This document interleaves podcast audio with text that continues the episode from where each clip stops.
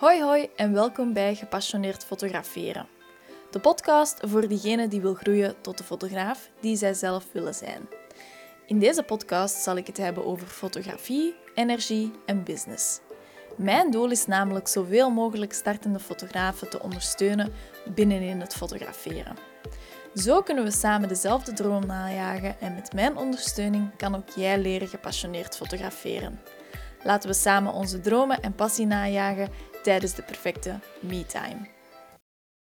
Welkom bij deze volgende podcast-aflevering. Heel, ik ben heel blij dat je opnieuw even luistert naar wat ik hier uh, te vertellen heb. Ik wil het vandaag eventjes hebben over uh, de vier geheimen voor het creëren van de allermooiste foto's.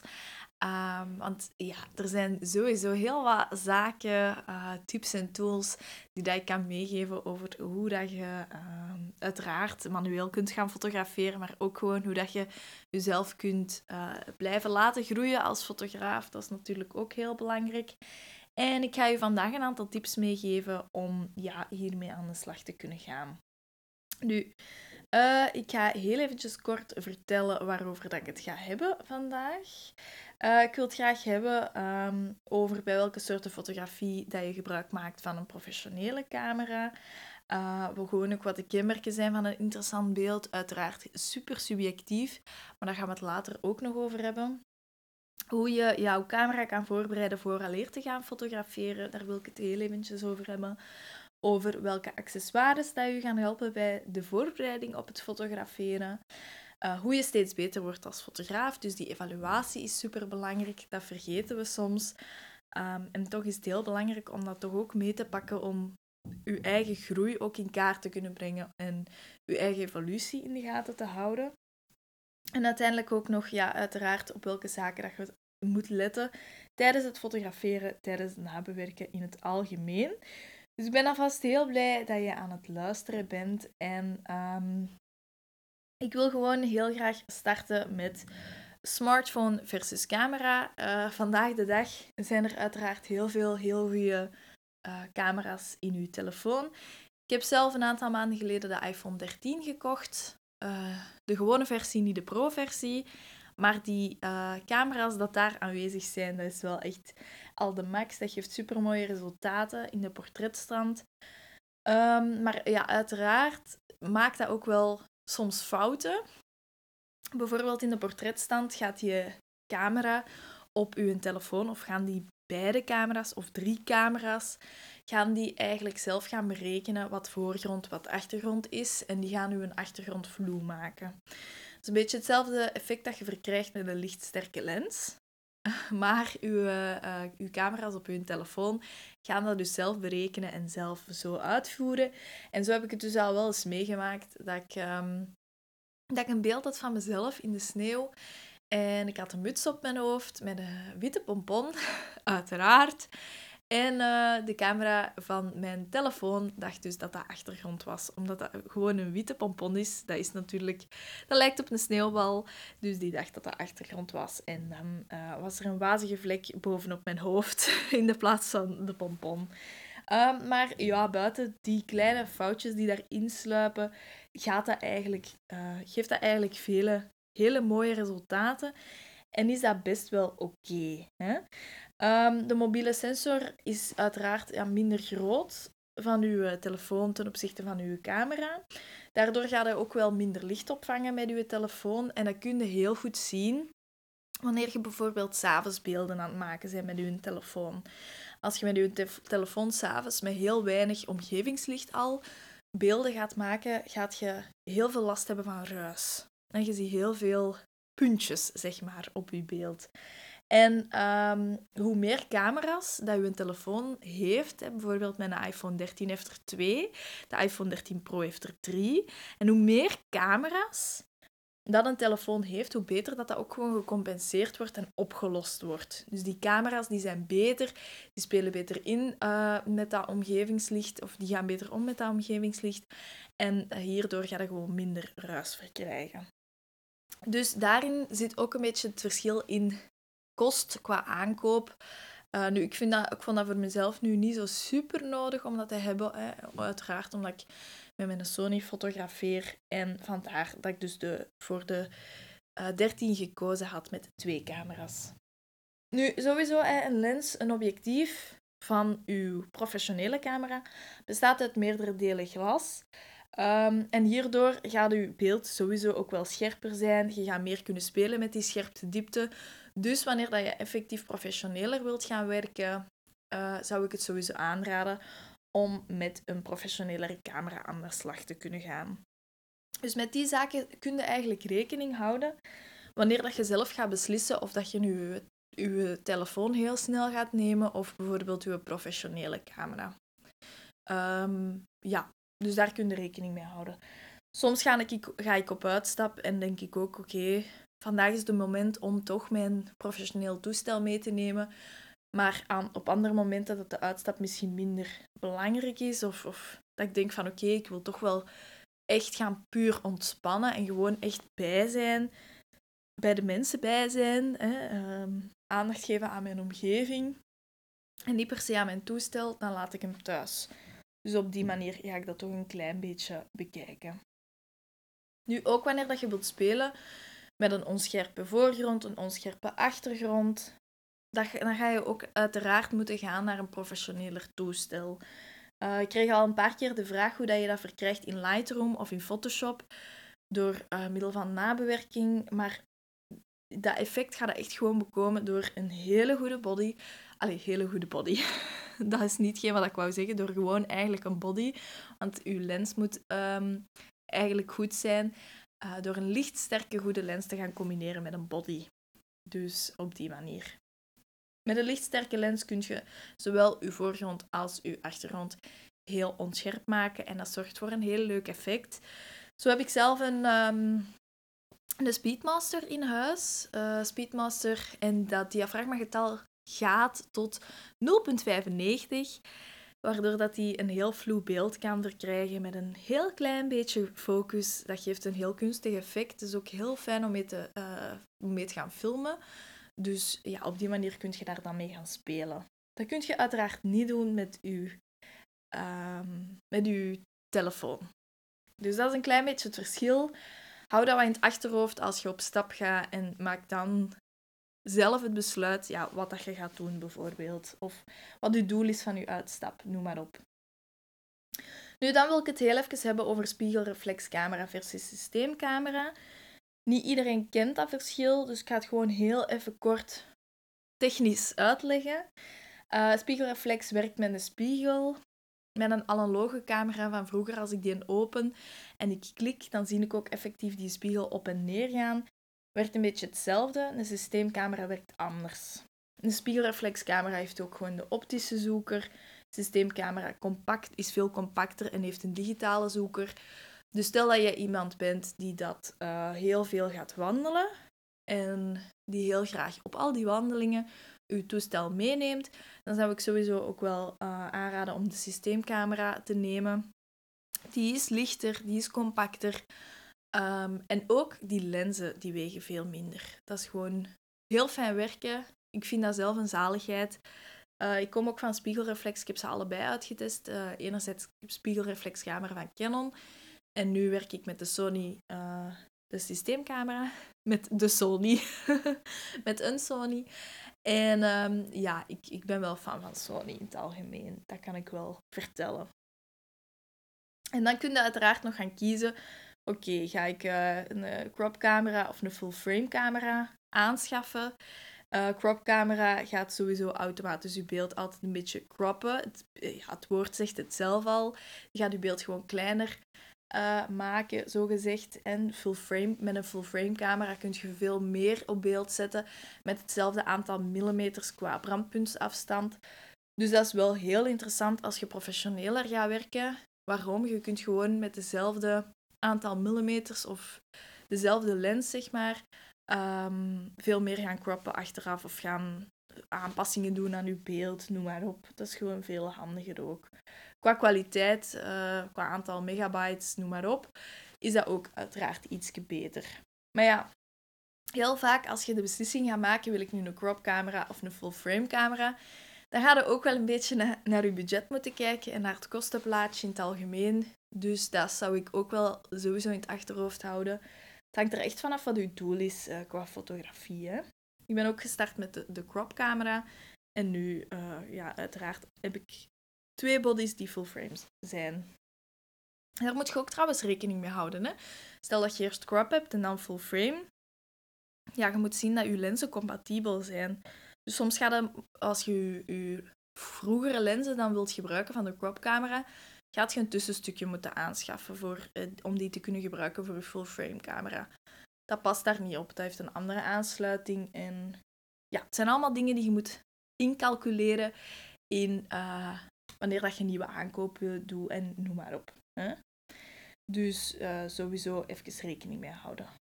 Dan kun je uiteraard gaan beslissen, wil ik de zoomlens gebruiken of de prime lens.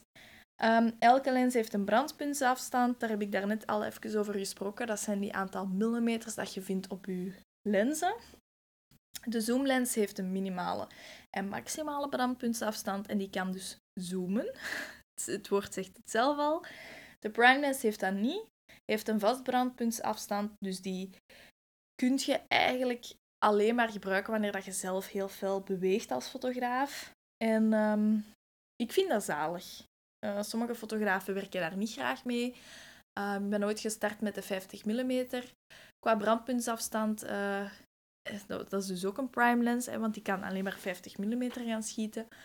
Um, maar het is gewoon heel leuk, want ik vind het heel fijn om als fotograaf mezelf uit te dagen om naar voor te gaan, naar achter te gaan, links, rechts, onder, boven, noem maar op. Ik ben veel creatiever wanneer dat ik een prime lens gebruik. En um, ja, mijn zoomlens kun je eigenlijk gewoon blijven staan ter plaatse, bij wijze van spreken, en gewoon gaan zoomen. Noem maar op. Um, en tijdens een huwelijk is dat wel heel interessant, maar wanneer dat je echt creatief wilt gaan werken, tijdens shoots bijvoorbeeld, zou ik dat iets minder aanraden. Maar ja, dat is ook weer een eigen manier van werken. Je moet heel goed gaan beseffen wat voor soort fotograaf dat je bent. En uh, ja, welke materialen dat daar ook gewoon bij passen. Zodanig dat je ook geen miskopen doet. Want het kost al veel genoeg. Um, dat wilt je gewoon niet doen. Nu, ik wil dat was heel even een technische uitleg over wat dat er allemaal is, wat je kunt aanschaffen, noem maar op.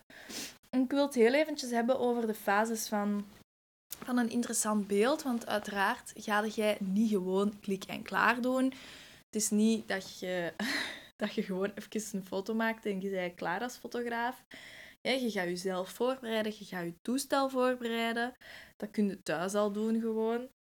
Vervolgens heb je je, je aandeel van de fotografie. En dan heb je ook nog het aandeel van de nabewerking. Nu, um, ik kan niet zeggen dat alles 33,33% is of zo qua aandeel.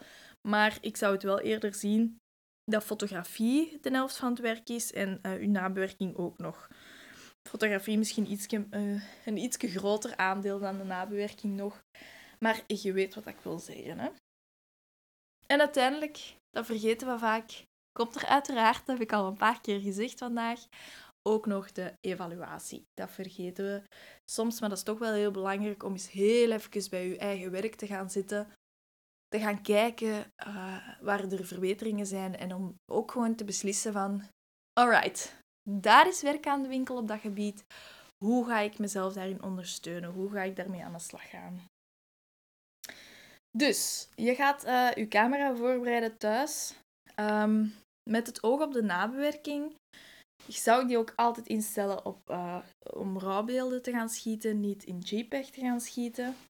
Um, je kunt ook effectief kijken naar je programmastanden.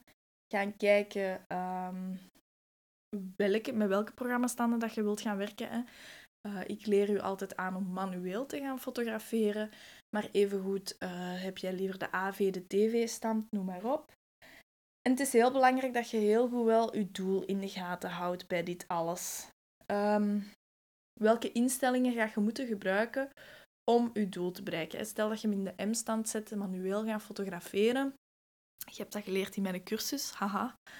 Um, is het heel belangrijk om op voorhand al eens even te gaan nadenken. Oké, ik maak een inschatting van uh, hoe, de hoeveelheid licht in het bos bijvoorbeeld, waar ik nu naartoe ga. Dan kun je je camera al gaan voorbereiden, gaan instellen, ISO-waarde, diafragmagetal, sluitertijd gaan bepalen.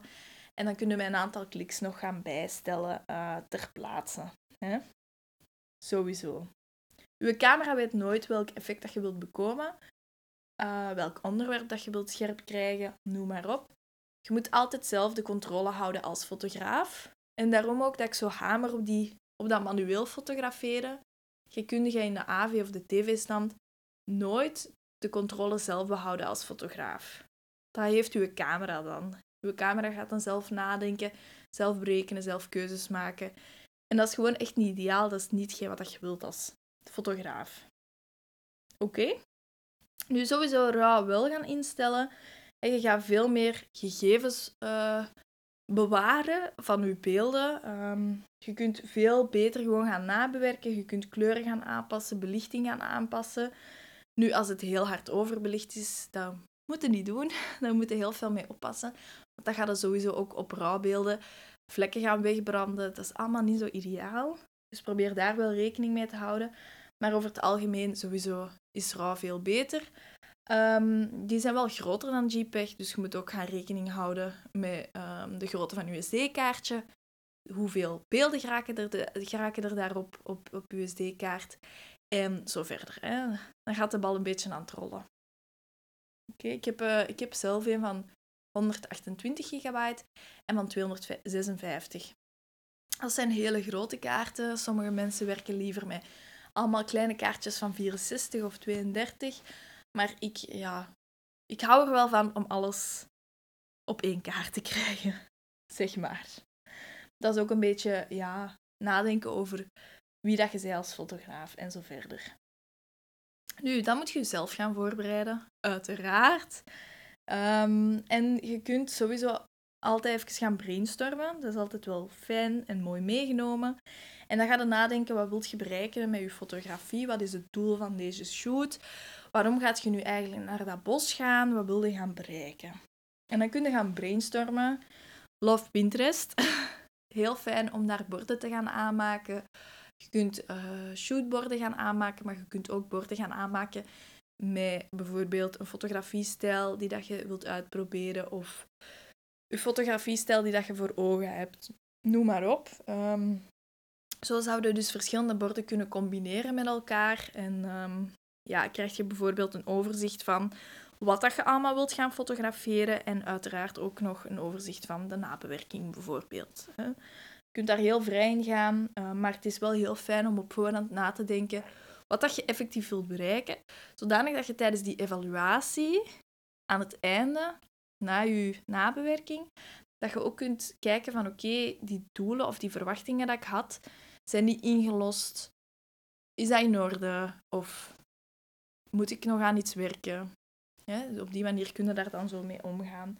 Als je op voorhand niet weet wat je wilt behalen met iets of een situatie of uh, met een shoot, ja, dan weet je ook niet of dat je je doelen behaald hebt. Dus dat hangt een beetje aan elkaar. Oké, dan. Dan gaan we fotograferen. En ik kan u al zeggen, uh, beelden maken is niet klik en klaar. Um, er zijn heel veel dingen die dat je uh, moet in gedachten houden wanneer dat je gaat fotograferen of waar dat je rekening mee moet gaan houden. Ik ga het eens even opsommen en laat jezelf niet wegblazen. Laat jezelf niet wegblazen. Dat is helemaal oké als je dat nog niet allemaal onder de knie hebt, dat je dat niet allemaal tegelijk nog niet kunt. Want daar, allee, daar hoort ook wel oefening, ervaring, bijsturing enzovoort bij.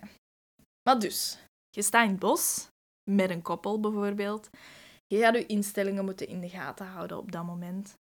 Je gaat je lichtmeting in de gaten moeten houden. Zeker, zoals ik daarnet al zei, niet gaan overbelichten. Houd die lichtmeting in de gaten, dat dat effectief in orde is. Je gaat je positie als fotograaf ook in de gaten moeten houden. Ehm, je gaat bewegen, verschillende manieren van composities, perspectieven gaan uitproberen. En op dat moment moet je ook altijd wel heel goed in de gaten houden hoe dat je staat ten opzichte van je onderwerp. Maar je positie van fotograaf, ik beeld mij dan in dat je als fotograaf super hard ook in je cocon zit. Je bent bezig met je werk. En je bent aan het veranderen van positie en aan het bewegen. En ineens ligt er een boomstronk pataat op de grond. dat is nu ook niet ideaal. Dus kijk, je moet echt gewoon uit de doppen kijken ook. Ehm, wat moet je nog doen? Je moet je modellen gaan aansturen, uiteraard. Je moet uh, wat tips geven. Eventueel klering, details gaan in de gaten houden. Gaan bijsturen daar. Sowieso over het algemeen uh, ervoor zorgen dat je koppel afwisselt qua houding, qua posities. Uh, en je moet ook uit, je omgeving heel hard in de gaten gaan houden. Je moet bijvoorbeeld ook bezig zijn met wat er zich afspeelt achter het koppel. Wat er achter u afspeelt, is zich dan op dat moment minder belangrijk, want dat gaat niet in beeld staan. Maar wat er achter het koppel zich afspeelt, is eigenlijk wel belangrijk. Stel dat er in de verte voorbijgangers zijn, um, dan is het veel gemakkelijker om op, op de moment zelf daarop te gaan... Amai, sorry. om daar op de moment zelf op te gaan anticiperen dan dat je het allemaal moet gaan retoucheren achteraf in Lightroom. Uiteraard kun je dat allemaal gaan retoucheren, dat is allemaal geen probleem. Maar het is veel beter als je gewoon van in de, e-, vanaf het eerste moment een juist beeld maakt, of, of toch het beeld maakt. Juist is misschien niet het juiste woord, maar dat je het beeld maakt dat je voor ogen had. Oké. Ook ga dan nadenken uh, hoeveel beelden dat je wilt shooten bijvoorbeeld, of welke posities dat je wilt shooten in deze omgeving. En dan kun je altijd eens gaan veranderen van omgeving en noem maar op. Klik en klaar is het niet, hè?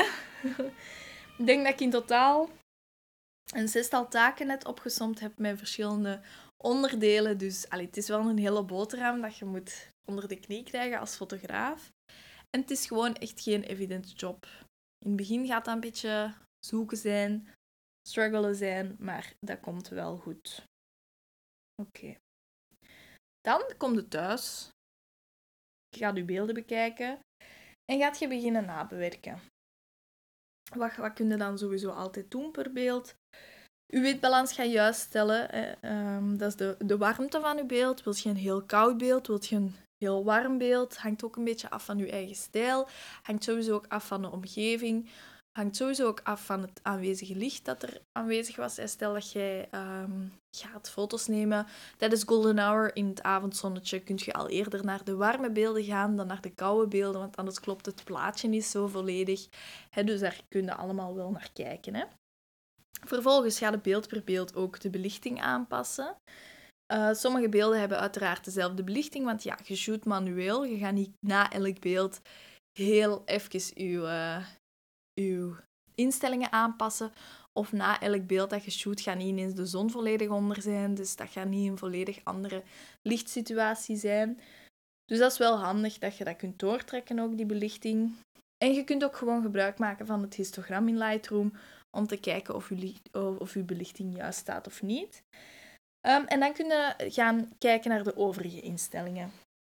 Ik denk dan aan contrast aanpassen, hooglicht aanpassen, kleuren aanpassen, schaduw en zo verder. Dat is allemaal op basis van je eigen stijl en hoe dat je dat aanpakt.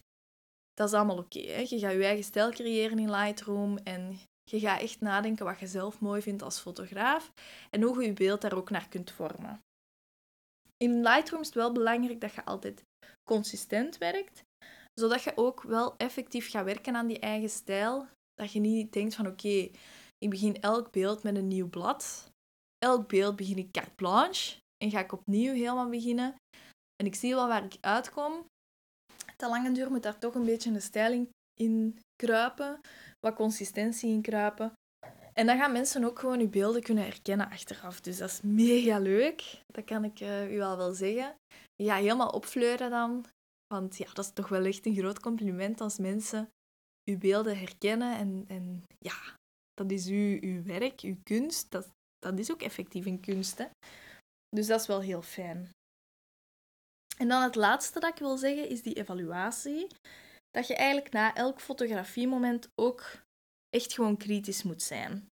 Je moet jezelf echt de tijd geven om te groeien. Hoe doe ik zelf dat? Zoals ik al zei, ga ik mezelf wel voorbereiden. Ik heb ook wel een beeld in mijn een beeld voor ogen over wat ik allemaal wil gaan shooten, wat ik wil bereiken, wat mijn doel is. En dan maakt het de testen gemakkelijker om ook gewoon te, te gaan beslissen: is mijn doel behaald? Wat kan er beter? Waar zie ik nog leerkansen? Dus wat kan ik nog aanpassen in de toekomst? En hoe ga ik aan de slag gaan met die leerkansen die dat ik zie? Ook nog belangrijk. Want jij kunt je weten, oké, aan die stijl moet ik nog gaan sleutelen, of aan het manueel fotograferen, of mijn belichting stond niet juist, noem maar op. Maar je moet het ook wel effectief gaan aanpakken. Dus dat komt er ook nog wel bij kijken. En je moet jezelf ook gewoon de tijd geven om te groeien. Je moet je oog gaan trainen door uh, vaak te gaan fotograferen, door Lightroom te gaan gebruiken. Zo kun je verschillende details gaan zien, licht, kleuren gaan opmerken. Um, dat zijn allemaal dingen die je leert.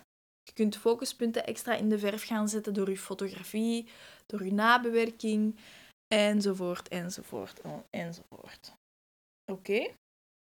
Nu, um, wanneer dat jij dus echt klaar bent om te gaan manueel fotograferen in alle lichtomstandigheden, om je fotografiedoelen te gaan bereiken en je droomportfolio aan te vullen, zorgeloos je eigen fotografiemateriaal in de toekomst aan te kunnen kopen, je eigen fotografie en bewerkingsstijl te ontdekken, zodat anderen ook gewoon die beelden gaan herkennen, zoals ik al zei.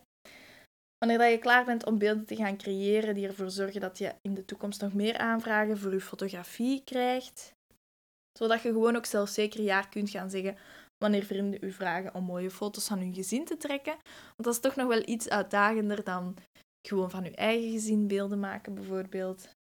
En wanneer dat je anderen gewoon wilt omverblazen met je fotografie skills en met je Lightroom skills, dan zou ik zeggen, start met het uh, Kickstart Shooting pakket of programma. En um, Kickstart Shooting vind je heel uitgebreid terug op onze website. Um, dus op onze website staat daar alle informatie die je kan vinden daarover. Uh, wanneer dat je gaat naar het tabbladje Start met fotograferen en het Kickstart Shooting programma, wat houdt dat in? Uh, de basiscursus fotografie wordt daar gecombineerd met de basiscursus Lightroom. Dus je gaat jezelf na het bekijken van dit programma een volledige basis aanleren um, die dat je moet hebben als fotograaf. En je gaat echt met alle, alle zaken rekening houden die dat in deze podcastaflevering aan bod komen. Zowel jezelf voorbereiden als het uh, aandeel van de fotografie, nabewerking, evalueren, groeien en gewoon echt werken aan dat manueel fotograferen, zodanig dat je zelf het heft in eigen handen hebt en uh, ja, dat je zelf je eigen beelden en je eigen stijl als fotograaf uh, kunt ontwikkelen. Alright? Als je daar nog extra vragen over hebt of getwijfeld of het programma effectief iets voor u is, stuur me dan een mailtje met je beginsituatie, met uh, waar je al mee bezig bent, uh, waarom dat je twijfelt, naar info.tessialmas.be. Dan ga ik heel graag met u in gesprek en dan zie ik u volgende week terug in een nieuwe podcastaflevering. Salut!